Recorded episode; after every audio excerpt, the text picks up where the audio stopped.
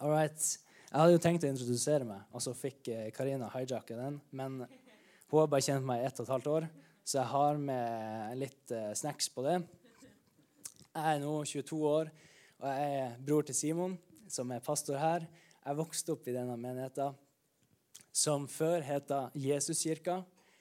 Det var en selvstendig menighet, og så kjente vi at eh, etter en turbulent sesong så tenkte vi å, å gå inn i et kirkefellesskap og, og, og, få større og bredere utrustning. Så vi eh, begynte å date OKS.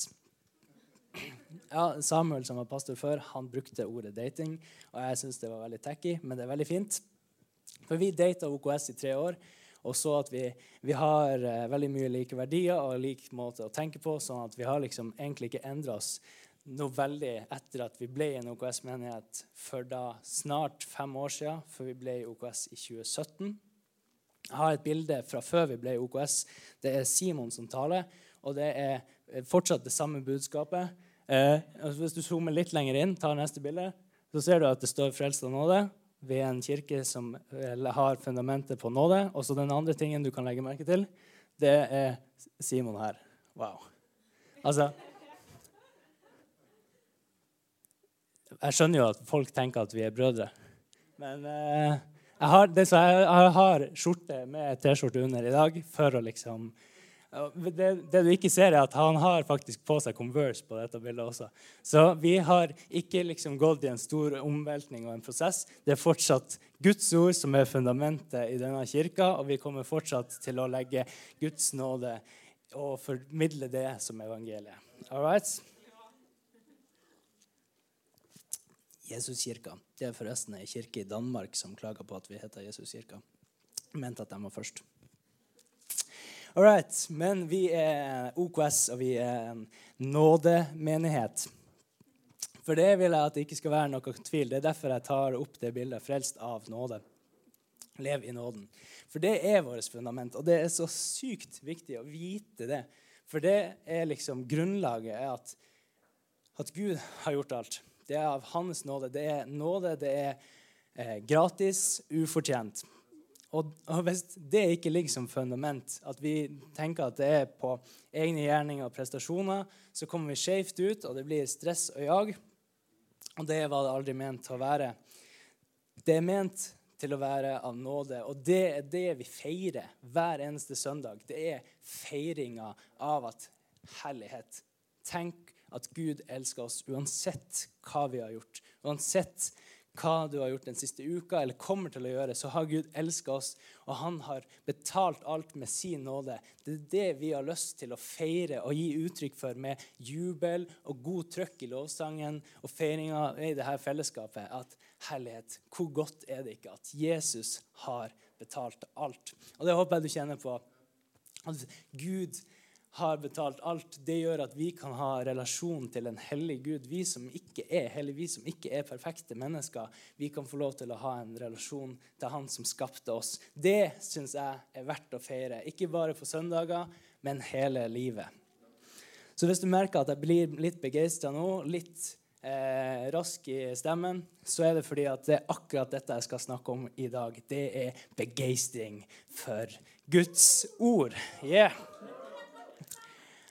Det er fantastisk. Men så, hvor starter begeistringa? Og da tenkte jeg ok, la meg fortelle deg hvor den starta for min del.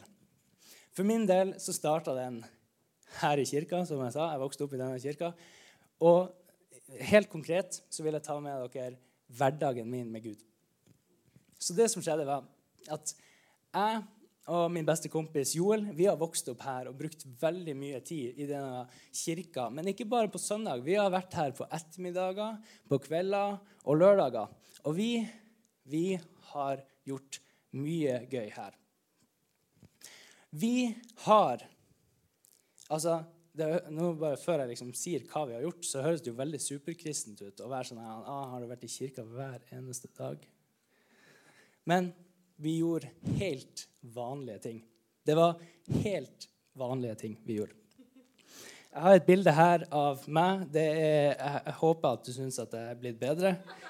Det her det, det, er altså da det her er, Hvis du ser det her, så er det PA-anlegget som står her ute på siden. Jeg og Joel vi laga stol av høyttaleranlegget, liksom. Og så satt vi og hadde sånn basskos, liksom.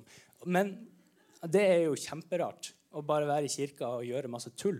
Og en annen ting vi gjorde, vi døgna i kirka en gang. Og så laga vi de her lysene her. Altså, hvem 15-åring døgner og lager lys i kirka? Jeg skal se om jeg får strøm her, så du kan få se på det her elendige makkverket. Det var, det var litt dårlig patent, men det var sånn Hei, vi har lyst til å gjøre kirke attraktivt. Jeg mener, kom an. Altså Det er ganske kult. Ja? Her, den, den, har vi kobla sjøl. Koblingsboks. Vi er ikke elektro, altså. Vi har ikke gjort veldig mye. Men det her det laga vi som 15-16-åringer mens vi døgna her i kirka. Og hvorfor sier jeg det her? Jo, det var fordi vi gjorde masse rart. Vi hadde masse, masse gøy. Men det skapte en begeistring. Det skapte en begeistring for kirke, og det skapte, det skapte en tro og en forventning til denne. Hei, hvordan kan vi gjøre kirke attraktiv for mennesker som ikke kjenner Jesus? Så når de kommer inn, så kan de oppleve at her er det fint, godt å være. Og så kan man etterpå og etter hvert forstå mer av det er noe mer enn bare at det er attraktivt. Det er en pakke vi har lyst til å lage det er attraktivt. Men det er en grunn til at vi har lyst til å gjøre det. Det er fordi at Guds nåde er så fantastisk. Det er verdens beste gave, og vi har lyst til å gi den til folk. Jeg skal lukke, jeg skal lukke her før jeg detter ned. Åh, beklager, Simon og lovsangsteam. Her lager kaos. All right. Ja. ja. Hun har blitt kjent med meg ett og et halvt år og vet at hun må alltid gå etter og rydde opp etter meg. Et liv med Gud var ikke ment å være nedtrykt og nedstemt. Det var meninga å ha det gøy, tror jeg. Virkelig. Jeg tror det er meninga at når man forstår at grunnlaget er Guds nåde, og fundamentet er der på at det ikke er på egne prestasjoner og gjerninger, så er det faktisk en fest. Uansett hvor mye man får til eller ikke får til. Det er godt å leve et liv med Gud. Paul Dockerty han er en pastor i Victory Church i Tulsa i USA. Det var der Åge Åleskjær, grunnleggeren av OKS, var når han fikk et kall om at han skulle starte en sånn type menighet i Norge. Og han sa denne kvoten, det er ikke hans, men han delte den i forhold til kirke her om dagen. Find some friends, change the world, and have fun doing it. Og for vår del så tror jeg det kan være så enkelt og konkret som å ta med deg en venn og bli med på vertskapsteam. Ta med deg en venn, bli med på lekelørdag. Ta med deg en venn, bli med på kaféteam. Bli med i en life-gruppe. Ha det gøy. Fordi det her det kan se ut som en skummel bok hvis man sitter alene og ja, liksom, ja, men det er så mye godt i den. Det er så mye bra å legge fundament i livet sitt på. Men det kan være lurt å være litt flere om det, sånn at man ikke ser seg blind på ting. Men at man kan få de perspektivene, man kan snakke om det, man kan dele om det, og faktisk se ah, det, det er det her Gud mener når han sier det her. For Vers tatt ut av kontekst. Det, Simon nevnte det her eh, for Eh, et par måneder siden han snakka om at å få et halvt budskap er verre enn å få ingen budskap. Så catch hele budskapet. For at det er det vi kan gjøre som venner. Da kan vi se at hei, det her det er mye bra, og det er mye godt.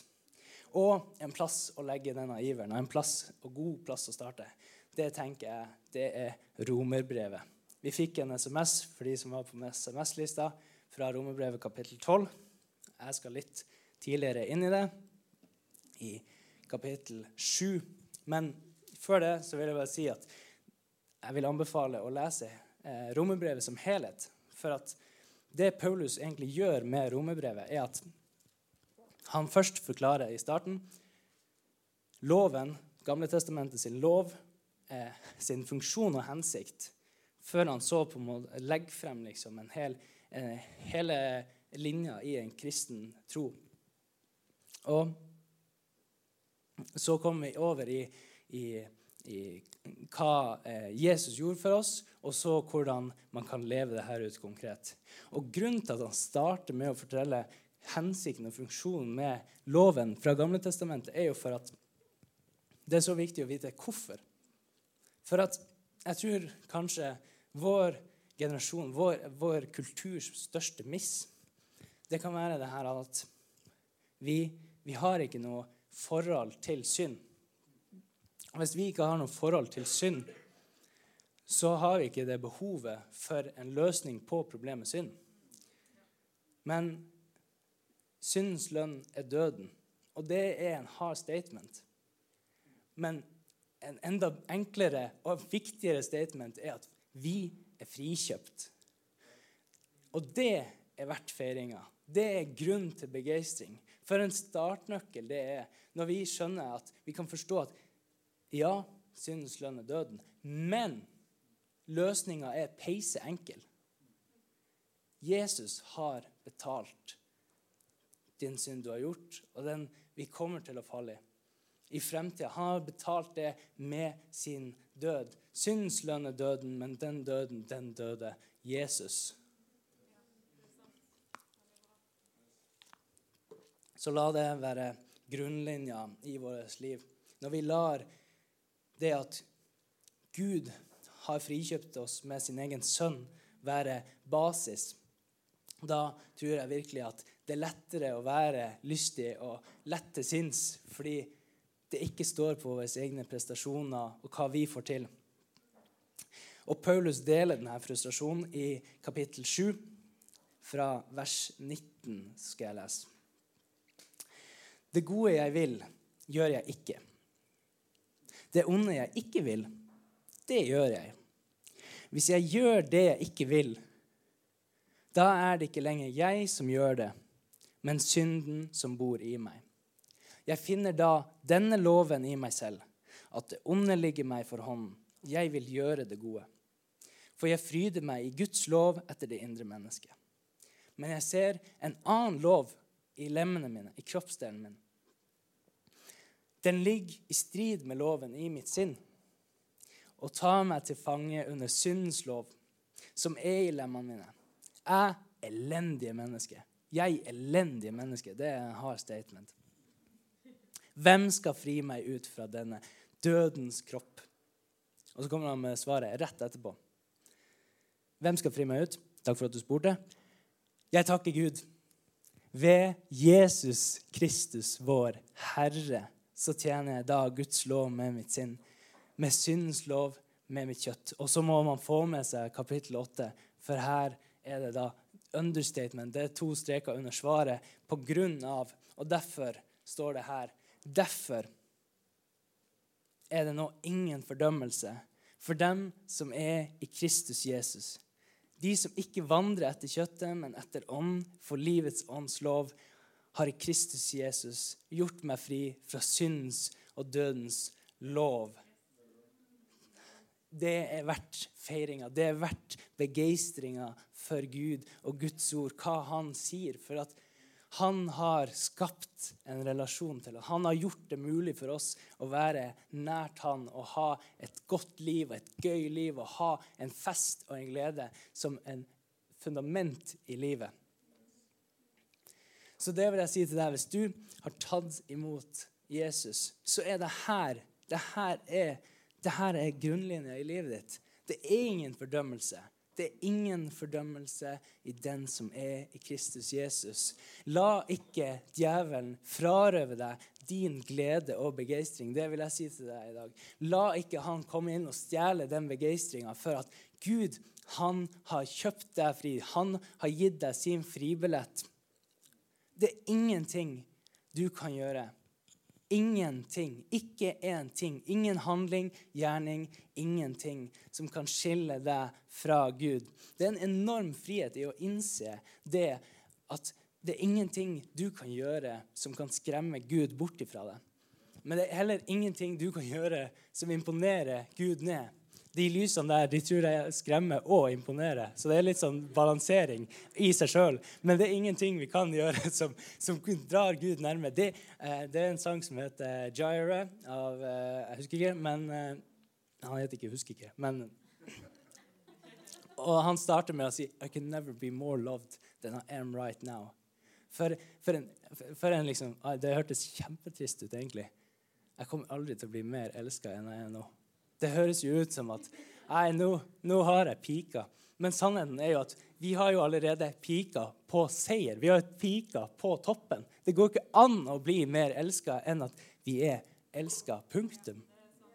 Det er fundamentet. Det er ingen fordømmelse i den som er i Kristus Jesus. Når vi nå har vunnet alt dette, vi har fått denne fribilletten av Jesus, det, hva er da hensikten?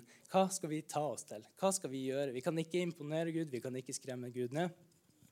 Hva skal vi da gjøre? Hva er vits med bibellesning, gudstjenestegåing, tjeneste på team? Vel, jeg tror at det her er der vi, når vi tar imot Jesus, så er det som å tenne opp et bål. Og så er det da vi kan få lov til å og For å ha et bål som det er mulig å varme seg på, så må man tilføre ved. Og det er vi personlig ansvarlig for. At vi legger ved på bålet. Legger god og tørr ved på bålet. Og de her tingene Bibellesning, det å være i kirka og eh, bare gjøre ting, kose deg altså Med ungdommene Det var ikke sånn at vi hadde enormt mye eh, sånn teologisk utgreining om det vi gjorde, men det vi gjorde, var at vi, vi hadde gøy sammen, og vi delte liv sammen, og vi hadde en fest sammen med ungdommene for at Gud elsker oss, så vi kan vise nestekjærlighet. Vi er elska, så vi kan elske de neste. Vi kan se de for at vår grunnlinje er at vi er elska. Så da har vi overskuddskjærlighet eh, å gi ut. Vi kan, vi kan elske fordi han elsker oss først. Så jeg vil anbefale deg de tingene. Altså, det er ikke en lov om at du må lese Bibelen, men det er til begeistring for Guds ord av å, å lese og bruke tid i, på gudstjenester og i Bibelen. Så skjønner, kan man legge ved på bålet sånn at det blir varmere. Og så legger man ved, mer ved på bålet for at det blir varmere. Og så er det nice, så kan man fortsette å fyre på. Og så blir det et stort og godt bål. Og det vil jeg anbefale oss. At vi kan få lov til å lese litt i Bibelen, så kan vi si at det funker. Så kan man bli oppmuntret til å lese mer. Men at det ikke er lov, fordi grunntonen er nåde, og at alt er gratis og ufortjent. Så de her tingene Det er jo for å gjøre det litt etter litt, så forstår vi mer og mer at Gud faktisk elsker oss. Gud har elsket oss. Han ga sin egen sønn, sånn at vi nå er frikjøpt. Vi får lov til å leve i den nåden. Og når vi forstår mer av den nåden, så tror jeg den legger opp til enda mer begeistring for at ja, Gud har elska meg. Flere mennesker må få lov til å kjenne den, den den friheten i å kunne legge av seg en bagasje av at hei, det, mitt eget liv står på mine skuldre. Men når de ikke gjør det lenger, så får du den byrden lagt fra deg. Og den har jeg lyst til at vi skal være begeistra for å kunne gi videre. Når vi har et varmt bål, så tror jeg at mennesker som ikke har det bålet, kan kjenne at her er det godt og varmt. Dette har jeg lyst til å ta del i. Og det tror jeg skjer når vi er begeistra for Guds ord, når vi er begeistra på gudstjenester. Og når, som Kristiane sa, det er når vi starter med takk for det Gud har gjort for oss. Fordi grunnlinja er at det er av nåde. Start med takk for det. At uansett hva jeg gjør, hvem, hva jeg får til, så er jeg elska av Gud. Så hvis du ikke har fått det med deg, så er det nåde, nåde, nåde. Og vi er en kirke som aldri kommer til å slutte å forkynne Guds sannhet om Hans nåde. For det er det aller viktigste. Og det er den vi er frimodige på. Det er for at det ikke står på hvor bra jeg forteller ting, eller hvor bra jeg klarer å si ting. eller formidle ting som avgjør noe. For om eh, Gud er glad i meg eller ikke. Han har elska meg uansett. Det gjør at når jeg står her oppe og kjenner på et press om å levere, så kan jeg legge det fra meg. Og da kan jeg kjenne herlighet. Så godt. Er det ikke så godt å få lov til å kjenne at jeg trenger ikke å prestere når jeg vet at Gud sendte sin sønn? Det er frihet i det. Jeg tror ikke bare det gjelder i forhold til å stå her oppe. Det tror jeg gjelder i forhold til jobb, i forhold til studie, i forhold til alle disse tingene. Så er det ingenting som definerer deg sånn som at Gud har elska deg. Det kommer alltid tilbake til nåden som fundament. Så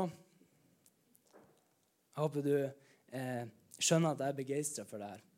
Og hvis du lurer på hvor, hvor du skal begynne så vil jeg anbefale deg en av de her tingene i forhold til å bli med på team. Bli med, ta, ta del i kirka, ta del i fellesskap og få, få venner og, som, som, spiller deg god, som eh, man kan ha det gøy sammen med. Som man kan studere romerbrevet sammen med. Fordi det vil jeg virkelig anbefale deg å lese hele det. Det er mye godt i hele det. Og så vil jeg avslutte nå med å, å spørre hvor denne begeistringa begynner i ditt liv, det tror jeg eh, du kan ta med Gud i. Spør Gud om dette. Hvis lovsangen har lyst til å komme opp, så vil jeg at du skal eh, bruke denne tida nå, når vi står i lovsang, til å, å spørre Gud hvor skal jeg begynne. Eh, Eh, Karina delte om det i, på previewen i forhold til å ikke være lunkne, men å være ivrig. Være ivrig. Hvor, hvor, skal jeg begynne med å være ivrig? Hvor skal jeg starte den? Jeg tror at du kan spørre Gud om det. Så nå når vi står i lovsangen, så vil jeg at du eh, personlig eh, kan stille ham spørsmålet. Far, Gud, pappa. Han er alle disse relasjonene, men hva, hva trenger du at han er? Spør hva trenger jeg å slutte med? Hva trenger jeg å begynne med? Hva trenger jeg å sette av mer tid til? Hva trenger jeg å sette mindre tid til? I ditt liv for å legge god og tørr ved på dette bålet. For livet med Gud, det var aldri meninga å være kaldt og kjølig, men det er ment å være skikkelig fyring. Det var ment å være eh, et godt liv, et rikt liv. Det, Bibelen lover oss ikke et liv uten problemer og uten motgang. Men vi kan få lov til å møte motgang og problemer med et bål som det er god fyr i. Det tror jeg gjør at vi kan være begeistra uansett hvordan sesong vi er i livet. Spør Gud hvordan hvordan gaver og talenter har Gud lagt ned i deg? For Gud har en hensikt, Gud har en plan med ditt liv. Det, det er vilt å tenke på. At en så stor Gud har en plan for lille meg og deg. Det sier noe om hvor, hvor høyt han har elska hver enkelt en av oss. Så du kan eh, be for deg sjøl her, eller du kan snakke med en venn om det i etterkant. Be han om å be for deg. Jeg trenger hjelp til å finne ut mer av dette. Hvor jeg skal, hva skal jeg gjøre for å, å, å bli begeistra? Hvor jeg skal tune inn begeistringa mi? Hva er det jeg må gjøre for å fyre opp under bålet? Trenger jeg å være i kirkelokalet og bygge høyttalere og, og, lys? Eller trenger jeg å være på kafé med gode venner? Hvor er det du trenger å legge ved for bålet ditt? I kapittel 12 i Romerbrevet, litt senere her, så sier Paulus dette i starten. Her er vi inne i der han mer konkret forteller hva vi kristne skal gjøre. Og han skriver, jeg ber dere derfor på det sterkeste, søsken, ved Guds barmhjertighet, at dere framstiller deres kropper som et levende, hellig og velbehagelig offer for Gud. Dette er deres åndelige gudstjeneste. Bli ikke dannet lik denne verden, men bli forvandlet ved fornyelsen av deres sinn, så dere kan prøve hva som er Guds gode, velbehagelige og fullkomne vilje. Det kan høres veldig stort ut og vanskelig ut, men hvordan ser det ut i ditt liv? Ta og Snakk med en venn, eller snakk med meg, Simon og eh, Karina eller Rita. Ta kontakt med noen. Spør hei, jeg har lyst å legge ved på bålet mitt.